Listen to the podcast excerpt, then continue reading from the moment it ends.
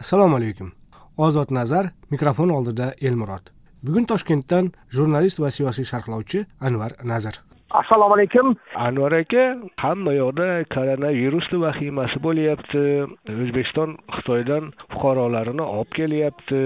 Boshqa davlatlarda hatto aptekalarda oddiygina tibbiyot maskalari ham kamyob bo'lib qoldi degan xabarlar bor. Endi shularda qalay Э, kechagina dorixonaga kirganimda e, bir ayol so'rayotgandi o'sha niqoblar haqida niqoblar bo'lmasa ertaga bo'ladi ertaga kelsangiz deb. Lekin men ko'chada niqob taqqan odamlarni uncha ko'rmayapman.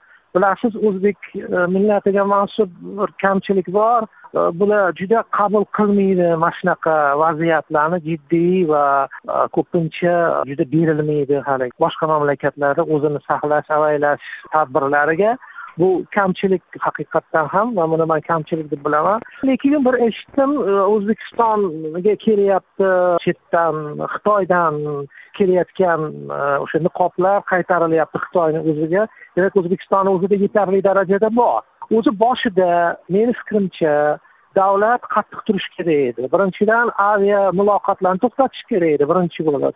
Viza tizimini tiklash kerak edi. Xitoydan kelayotgan e, odamlarni kelishini to'xtatib bu yerga oqimini. Chunki ko'pincha mana yevropada chiqib qolyapti. Shunaqa tasdiqlangan koronaviruslar. Bu koronavirus kasalligi bular hammasi unga uchragan odamlar xitoydan kelgan sarmoyachilar o'sha rasmiy delegatsiyalar bilan muloqot qilganlar bor ichida. Hmm. o'zbekistonda bunaqalar juda ko'p kelib turadi. Hozir to'xtadiku menimcha e, samolyot aloqalari to'xtadi endi kech to'xtadi. Bu narsa shunaqa keyin to'xtatish kerak. Ikkinchidan juda g'alati narsa bo'ldi bizni talabalar atrofida. Xitoy ruxsat bermayapti buni boshida qattiq turib olib chiqib ketish kerak edi. O'zbekiston boshida tayyorgarchilik ko'rib bu masalada xitoydan kelayotgan tovarlar haqida. Va eng muhimi man juda ko'p o'zimni chet ellik do'stlarim bilan gaplashaman. Sog'liqni saqlash vazirligi har kuni chiqib tushuntirish kerak. Bo'lmasa oddiy xavfsizlik choralari haqida. Anvar aka men bejiz e, gapni koronavirusdan boshlamadim. Mana bir necha kun oldin toshkentda e, aqsh e, davlat kotibi mayk pompeo safar bilan bo'ldi. O'sha safar chog'ida ham u matbuot anjumanida mana shu koronavirusga e'tibor qaratgan edi. Umuman mayk pompeoni safarini kuzatib borgan bo'lsangiz kerak. Qanday tasavvur qoldirdi? albatta. Qanday tasavvur qoldirdi bu safar sizda endi bilasizmi bu safar muhim omil bor ko'zga tashlanadigan bu xitoyga qarshi strategiyani taqdimoti desa ham bo'ladi bu safar. Qay darajada o'zbekiston hukumati buni qabul qilgan yo'q lekin xitoy bilan bog'liq bo'lgan tavakkallar ko'zga tashlanyapti.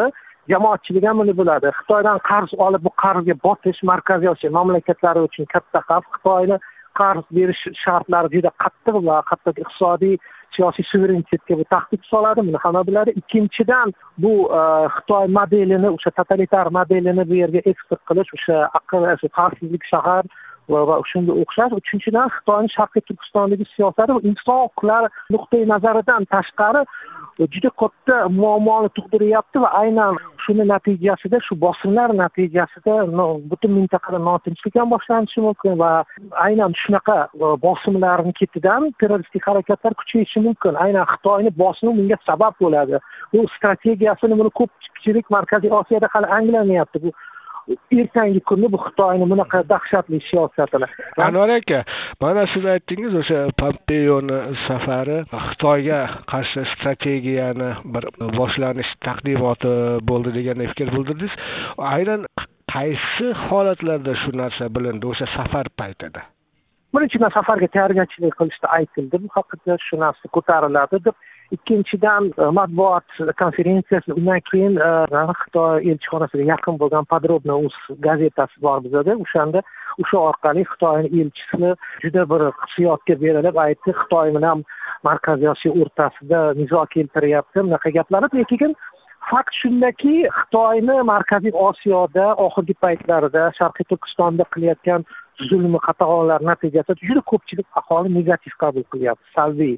Vaholanki eng man ozodlik bilan bbc amerika ovozini aytyapman kun uz bitta koronavirus o'sha yana koronavirusga qarshi maqola chiqsa tagida endi man hosimiga baho bermayapman. Juda ko'p odamlar bu to'g'ri bu o'sha uyg'urlarga bo'lgan e, zulmni natijasi deb shunaqa yozishyapti bular hammasi birortasi xitoyga rahm kelmay yuzlab minglab komiklar manimcha xitoy elchixonasi bunaqa narsaga ko'proq e'tibor bersa bo'ladi chunki jamoatchilik fikri xos xitoyni tarafida emas bu yerda. Qo'shni mamlakatlarda ham shunaqa ahvol qirg'iziston qozog'istonni agar oladigan bo'lsak. Shunga bu yerda amerika qo'shma shtatlarini strategiyasi hozir jiddiy qabul qilinishi yana bitta tomoni bor. O'zbekiston hozir borgan sari jahon bozori bilan bog'lanib boryapti? Jahon bozori baribir bu g'arb mamlakatlari amerika bilan bog'liq. Xitoy rossiya bilan bog'liq emas va hamma bilan yaxshi bo'laman hamma bilan yumshoq bo'laman degan siyosat hozir natija bermayapti. Chunki bilasiz e, yevrosiyo ittifoqiga o'zbekiston yevrosiyo ittifoqi degan loyiha bo'lib yorilib ketganga o'xshayapti. Atom elektrostansiya qurilishi ham jimjit ko'pgina rossiyani bu yerga tiqqan qo'pol qilib aytganda loyihalari asli uni orqasida rossiya turgani manda hozir shubha yo'q. O'sha ikkinchi davlat tilimi e, kirill alifbosiga qaytishmi? Chiroyli silliqqina qilib kiritish bo'ldi bular ham mag'lubiyatga uchradi. Endi tashrif atrofida bo'lgan rossiyaga bo'lmagan o'sha tashrif prezidentniki oldin ham aytyapti. Endi rejada yo'q bo'lib qolgan gaplar bor. Bularni bu hammasi bitta muhim fon bo'ldi pompeoni kelishiga chunki o'zbekiston hozir manimcha rossiya bilan hamkorlikda o'zini nuqtasiga yetib bo'ldi. O'sha bundan ko'pini rossiyadan kutish mumkin emas. U yog'ini kutadigan bo'lsak faqat bizaga zarar keltiradi rossiyaga foyda keltiradigan. Shunga o'zbekiston hozir amerika qo'shma shtatlari bilan majbur bo'ladi. Qanaqadir muloqotlar qurishga yevropa ittifoqi bilan anvar aka endi o'zimizni огородimizga o'zimizni o'zimizga qaytaylik. Katta siyosatdan o'zbekistonda o'tgan haftada yana bir voqea yuz berdi. Komil allamjonov bilan prezidentni qizi shu aukadan ketishi va xususiy fondga asos solishi. Bu sizni nazaringizda qanday fond? Va u keyin o'sha islom karimov davrida gulnora karimovani fondlari bo'lardi. Mana shunday bir fondlarga aylanib qolish ehtimoli qanchalik? Endi o'zi aoka degan tashkilot buni nima qilganini man e, tushunmayman. E, meni fikrimcha bizada jurnalistlar haqiqatdan ham so'z erkinligini yurg'izuvchilar e, himoyaga muhtoj lekin man bu himoyani ko'rmayapman. Aynan auka tomonidan ham bo'lmagan va menimcha bu jamg'arma tomonidan ham bo'lmaydi. Boshida juda ko'p loyihalar bo'ldi. O'sha facebookda o'tirgan ijtimoiy tarmoqlarda umuman jamoatchilikda tanqid fikr egalari qandaydir ularni uyushtirib ularni boshini qovushtirib bitta bir tashkilotga qilib ularni nazorat qilib va haligi rossiyada управляемый demokratiya deydi kerakli miqdorida e, kerakli e, foizdagi tanqidga ruxsat berish lekin jiddiy tanqidni taqiqlash va man qilish. Shu siyosatni olib borish uchun to'rt yigirma to'rt bo'ldi. Undan keyin yana boshqacha loyihalar bor hech qaysi o'xshamadi. Endi aok bo'ldi endi hech qaysi o'xshamagandan keyin mana bunga kirishdi. Bu bularni faoliyati ikkita maqsad bilan bo'ldi bog'liq bo'ldi. Birinchidan o'ziga tortib olish konformist blogerlarni bilasiz shunaqa blogerlar bizada bor kerakli mavzularni chiqib gapiradi o'ziga kerakli albatta haqiqiy dolzarb mavzulardan o'zini olib qochadi. Katta katta auditoriya egalari bu blogerlar. Ikkinchi bularni maqsadi bo'ldi trollar fabrikasini yaratish rossiyani ko'rsatish va hammani talash tanqidchilarni. Mana bilasizmi eski plastinka matni ham eski ashula ham eski so'zlari ham eski hmm. oldini osti lekin olib tashladi. Endi bulardachi e, qanaqadir haligi nima vasvasa bor panika bor shu odamlar juda ko'p tanqidiy fikr kuchaygan nisbatan albatta karimov davriga shularni hammasini qanaqa nazorat qilsa bo'ladi shunga qanaqa javob qidirsa masalan oddiy primitiv senzura orqali buni yopib bo'lmaydi. Kimnidir borib qamab qo'lini orqaga qirib qo'yish qo'pol qilib aytganda uzr ilgaridagi bu ham mumkin emas hozir. Aytdim o'zbekiston jahon bozoriga chiqdi. U yerda inson huquqlari mavzusiga baribir e'tibor berishadi kredit olish kerak va hokazo hamma joyda bir nima qaysi darajada tili qisiq bir nima qilish kerak baribir majbur. Endi nima qilinadi?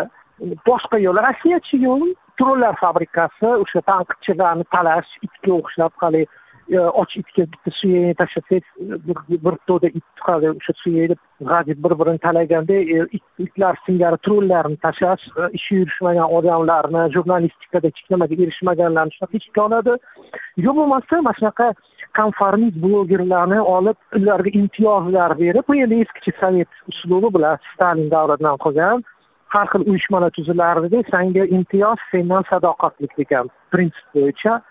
Xuddi shunaqa olib ularni e, ishlatish ularni nazorat qilish o'sha boshqarish haddan tashqari tanqid qilib haddan tashqari me'yoridan chiqib ketmasin lekin asosiy tanqidchilar bu masalan anvar nazir blogerlar ko'pda kichkina blogerlar chetda o'tirgan muxolifat emas asosiy tanqidchi bular tushunmayapti. Bu facebookda o'tirgan oddiy odamlar. Oddiy odamlar kirib yozib tanqid qilyotibdi. Bularni sababi ham bizni faoliyatimiz boshqani faoliyati chet eldan tushayotgan pullar emas odamlarni ijtimoiy hayotidan keskin noroziligi ishonch yo'q bo'lib ketgan. Endi bu muammolarni hammasini sabablarini iqtisodiy ijtimoiylarni hamma biladi. Aynan shundan kelib chiqib jamiyatda norozilik bor.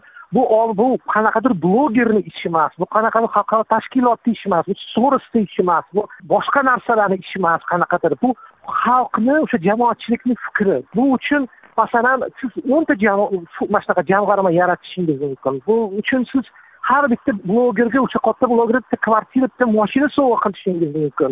Ularni boksyorga qilgandek baribir bu odamlarni ovozi kechirasiz qo'pol qilib aytganda o'chmaydi chunki bu jamoatchilikni fikri bu ijtimoiy muammolarni yechimini topilgandagina odamlarni noroziligi sal bo'lsa ham tushishi mumkin. Davlat shu masalani oddiy burnini tebrayotgan masalani mavzuni hech anglashni istamasdan hamma narsani qo'lyaptiki agar matbuotni nazorat qilsam agar falonchi bir toifani og'zini yumib uni nazorat qilib tursam hamma tinchlanib ketadi deydi. Aslida yo'q anvar aka jiddiy mavzularni muhokama qildik. Endi nima desam ekan dam oladigan mavzularga o'tsak masalan san'atga qanday qaraysiz?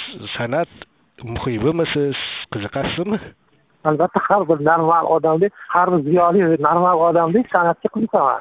Endi qarang ikkita xabar.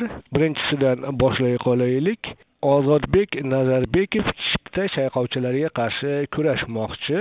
Xabaringiz bor. Ozodbek nazarbekov o'zbekiston madaniyat vaziri lavozimiga tayinlangan va birinchi o'zini ommaviy chiqishida korrupsiyaga madaniyatdagi korrupsiyaga qarshi san'atdagi korrupsiyaga qarshi kurashishini e'lon qilgan edi endi bilishimcha o'sha programmani bittasi o'sha korrupsiyaga qarshi kurash programmasining bittasi chipta chayqovchilarga qarshi kurashmoqchi. Xo'p kurashsin yaxshi e, ishni o'ylabdi lekin qay darajada bu ish amalga oshirilishi mumkin? Bitta sohada korrupsiyani tugatish mumkinmi aslida? Yo'q bitta sohada tugatib bo'lmaydi faqat rektorlarni qamasangiz korrupsiya bo'lmaydi va chiptalamasa endi albatta man ozodbek nazarbekka faqatgina muvaffaqiyat tilayman va tavsiya ham qilmoqchi edim yangi madaniyat vaziriga. Juda og'ir ahvolda tarixiy obidalarimiz vaqf degan jamg'arma bor. U jamg'arma ham jamoatda korrupsiya bo'lgandan keyin jamg'arma ham korrupsiyani manbasiga aylandi bu hamma biladi buni? Shu jamg'armaga berib qo'yishdi. Bilmayman qaysi ahmoqlik keldi shu jamg'armaga deyishga buyuk tarixiy obidalarimiz. Muzeylar masalasi. Necha marta taklif qilganmiz? Toshkentni o'zida normal bir muzeylar yo'q. O'lib qutulib abdulla qodiriy muzeyi ochildi. O'zbek madaniy merosiga nisbatan munosabati davlatni juda yomon hozircha. To'g'risini aytish kerak. Chunki biz necha marotaba bu haqida gapirgan edik adabiyotimizga tilga ham bo'lgan munosabat bo'ladimi teatrimiz teatrlarni ahvoli bo'ladimi kinomi hammasi qaysiga ko'zingiz tushmasin hamma joyda og'ir. Bu yerda davlat yana o'sha sovetcha buyurtma bilan yaxshi kino olaman deyapti buyurtma bilan yaxshi qanaqadir nimalar qilaman deydi lekin qarasangiz hammasi juda katta muammoga aylanib qolyapti va buni natijasida hech qanaqa bir ko'zga tashlanadigan hurmatga sazovor mahsulot chiqmayapti birinchidan san'at madaniyat rivojlanadi erkinlik bor joyda. Erkinlik deganda o'sha intellektual erkinlik haqida gap ketyapti madaniy erkinlik haqida. Bizda masalan hozir toshkentda yursangiz faqat rossiya san'atkorlarini reklamalarini ko'rasiz. Aslida o'sha aytgan muammo ham bitta narsa bor qandaydir bir juda katta nufuzli firmalar faqat shularni olib keladi. Biz jahon madaniyatidan jahon san'atidan uzoqlashib borganmiz. Biz jahon san'ati rossiyani doridan qochgan san'ati bo'lib qolgan hozir o'sha o'rinni egallagan. Esingizda bo'lsa avvallari o'zbekistonlik san'atkorlar davlat miqyosida boshqa chet ellarga chiqib e, gastrollarni o'tkazishardi. Hozirgidek yakka tartibda bir ikkita san'atkor o'zi borib konsert qo'ymasdan ansambllar bilan masalan o'sha botir zokirov jalla bahor degan ansambllar.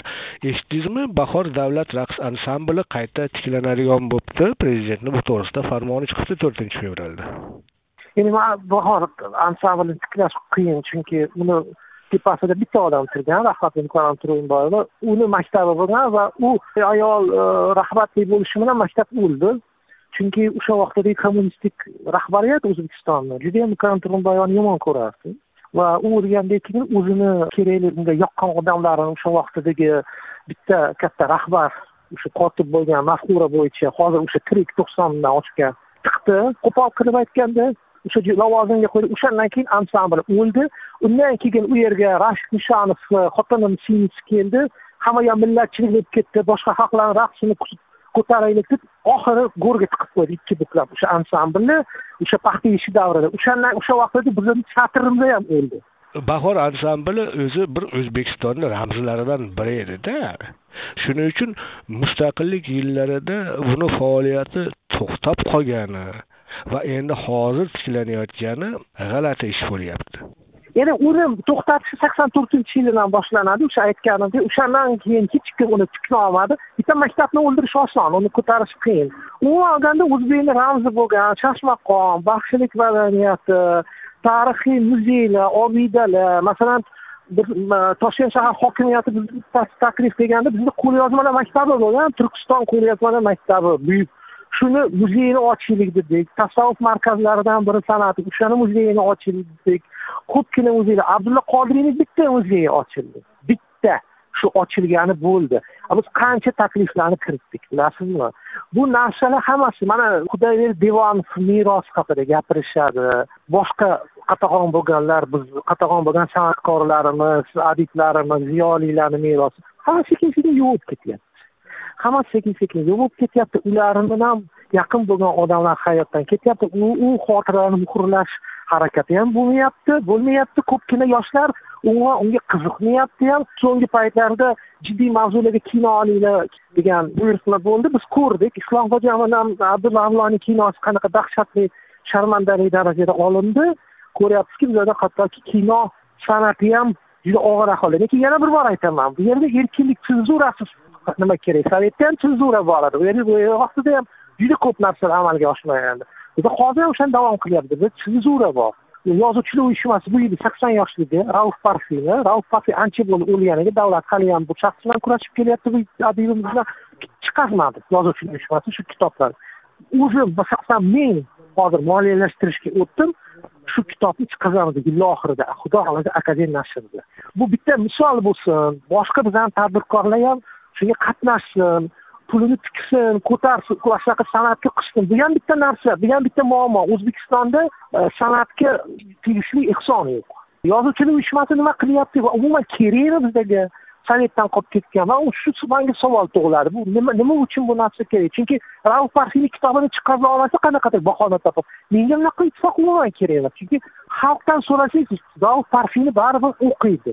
Shavkat rahmonni o'qiydi. O'qimaydi zulfiyani baribir. Davlatni siyosati baribir shu san'at madaniyat degani mafkura bilan bog'liq. Zulfiyani tiqadi uni tiqadi buni tiqadi.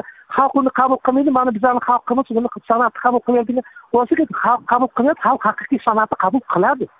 Lekin senzura bosimi bu yerda to'xtatish kerak. Bu faqatgina madaniyat vazirligi bilan bog'liq emasda bu siyosiy iroda bilan siyosiy rahbariyat siyosiy irodasi bilan bog'liq narsa. Anvar aka rahmat.